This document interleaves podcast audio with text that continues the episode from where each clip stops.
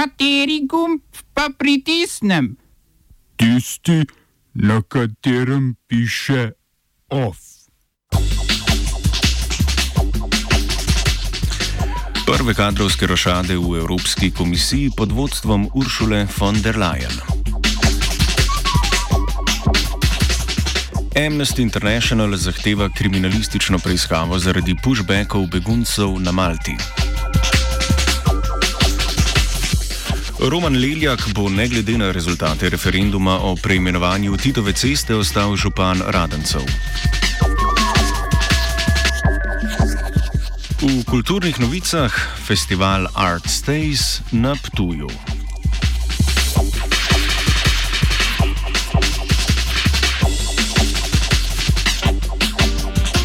Saudsko sodišče je osmim obtoženim v primeru umora do saudsko-arabske oblasti kritičnega novinarja Džamala Hašodžija odpravilo smrtne kazni in jih spremenilo v dolgoletne zaporne kazni.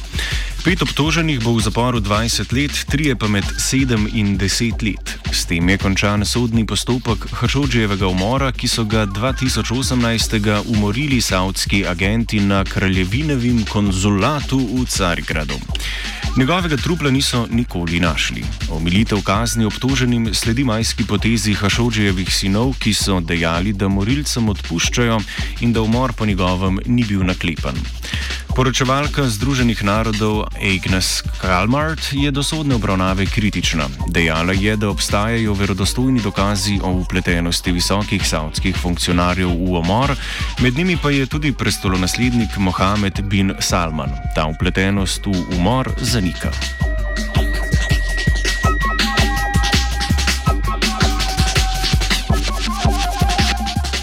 Gruzijska opozicijska koalicija Moč je v enotnosti, ki združuje stranko Združeno nacionalno gibanje z nekaterimi manjšimi strankami, je za prihajajoče parlamentarne volitve, te bodo 31. oktobra, za predsednika vlade nominirala nekdanjega predsednika države Mihajla Sakašvilija. Ta je leta 2013 migriral v Ukrajino, kjer ga je nekdani ukrajinski predsednik imenoval za guvernerja Odese. Danes pa tam zaseda mesto vodje ukrajinskega državnega reformnega sveta. Med njegovo odsotnostjo so mu v Gruziji leta 2018 sodili in ga spoznali za krivega v več primerih. Med drugim za zlorabo oblasti, s čimer si je prislužil devet let zaporne kazni. Sakašvili nepravilnosti pri svojem delu zanika in sodbe ocenjuje kot politično motivirane. Gruzijska pravosodna ministrica Teja Culukjani je že napovedala Sakašvilijevo pridržanje in prestajanje zaporne kazni, če se vrne v matično državo. Sicer je v Gruziji na oblasti že 8 let stranka Gruzijske sanje, leta 2012 je na parlamentarnih volitvah premagala prav že omenjeno Združeno nacionalno gibanje.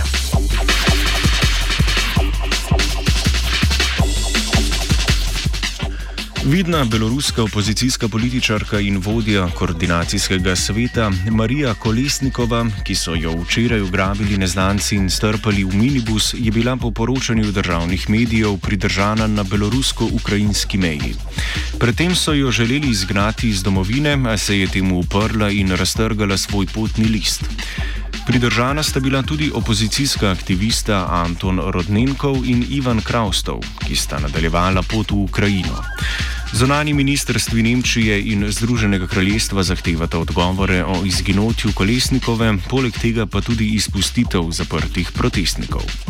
Protesti proti dolgoletnemu predsedniku Belorusije Aleksandru Lukašenku, ki je ponovno zmagal na avgustovskih spornih predsedniških volitvah, se bodo tako še nadaljevali.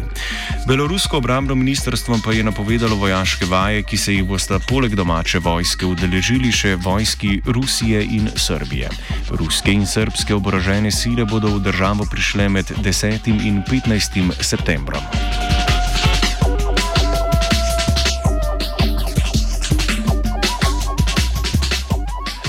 V Evropski komisiji je prišlo do kadrovskih rošat. Po odstopu irskega komisarja za trgovino Fila Hogna zaradi afere v zvezi z neupoštevanjem protikoronskih predpisov je nova irska komisarka postala Mayraid McGuinness. Ta ni naskočila funkcije trgovinske komisarke, pač pa je postala komisarka za finančne storitve. McGuinness je sicer dolgoletna europoslanka iz družine Evropske ljudske stranke, primarno pa se ukvarja s področjem kmetijstva. Novi komisar za trgovino je postal Valdis Dombrovskis, sicer izvršni predsednik Evropske komisije in dosedani komisar za finančne storitve, ki pa je trgovinski resor vodil začasno že po odstopu Hogna. Irska je za komisarsko mesto poleg Mayrit McGuinness predlagala še Andrewa McDowella. Predlog moškega kandidata in ženske kandidatke je sicer z Uršulo von der Leyen na čelu komisije postala stalna praksa v iskanju spolne uravnoteženosti.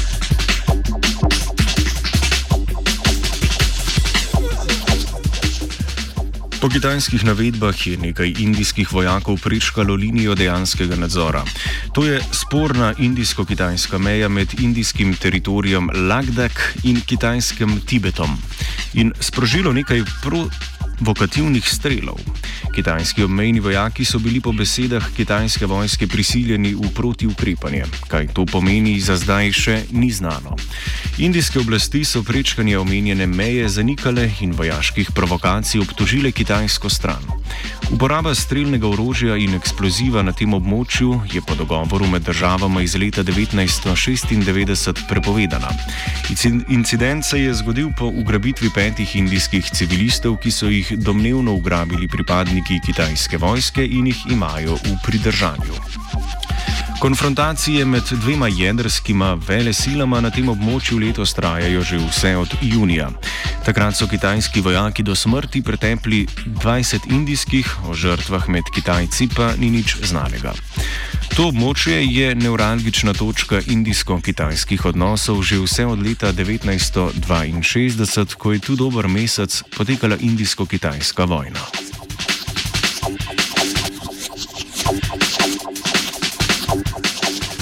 Nevladna organizacija Amnesty International zahteva kriminalistično preiskavo tako imenovanih pushbackov migrantov z Malte.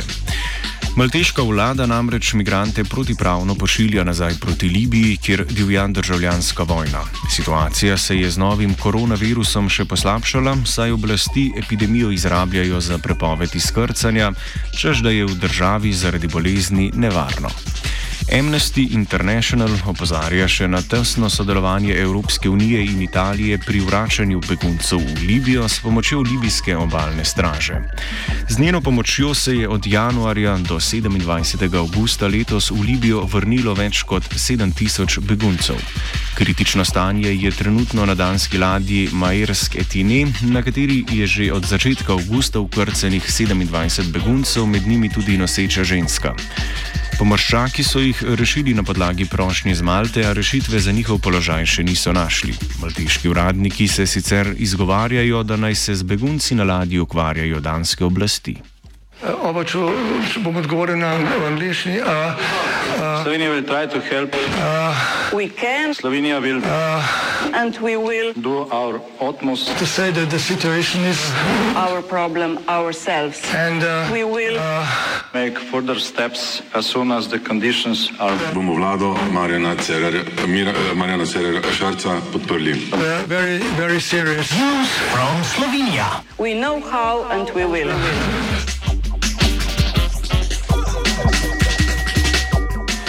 Danes je na delovnem obisku v Sloveniji avstrijski kancler Sebastian Kurz, to je zanj prvi dvostranski obisk v tujini po februarju. Zjutraj se je srečal s premijejem Janezom Janšo, s katerim sta se na novinarski konferenci zauzela za skupen pristop k novemu koronavirusu in nezakonitim migracijam. Govorila pa sta tudi o aktualni evropski problematiki. Janša mu je vlaskal s trditvijo, da so bili avstrijski ukrepi slovenski vladi za zgled v prvih tednih epidemije. Poznaje se je Kurc srečal še s predsednikom države Borutom Pahorjem. Pogovarjala sta se predvsem o prihajajoči stoti obletnici koroškega plebiscita. Zanimiv pa je zaključek obiska v Sloveniji. Skupaj z Janšo se bo Kurc odpravil na plezalni vzpon v severno steno Triglava. Prava Gamsa.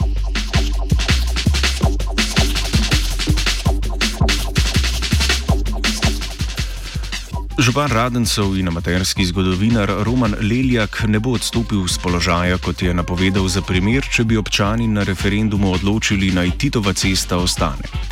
Leljak jo želi preimenovati v cesto slovenske osamosvojitve.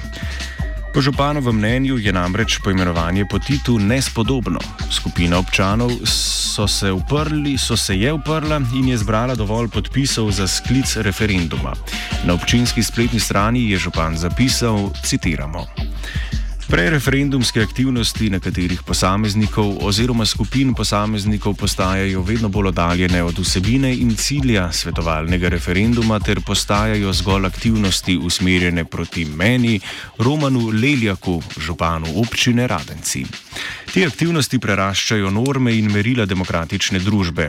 Menim, da je interes in pravica javnosti, da se svobodno izreče o pripravljenih referendumskih vprašanjih v nedeljo 25.10.2020, zato izjavljam, da ne bom odstopil z funkcije župana občine Radenci. Ne glede na rezultate svetovalnega referenduma oziroma ne glede na rezultat vezan na vprašanje o preimenovanju Titove ceste. Konec citata. Liljak se ne da.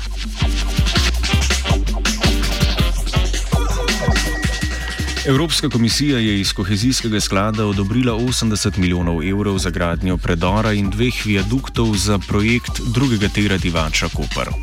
Po besedah Evropske komisarke za kohezijo in reforme Elize Ferreira je izgradnja drugega tera ključna ne le za Slovenijo, pač pa tudi za notranji trg Evropske unije. Drugi ter bo po njenem koristil gospodarsko, socialno, pa tudi okoljsko, saj bo s preusmeritvijo cestnega prometa na železnico zmanjšal izpuste oglikovega dioksida in dušikovih spojin. Celotna vrednost drugega tera je sicer ocenjena na nekaj manj kot 1,2 milijarde evrov, seveda pa bo financiran iz več verov.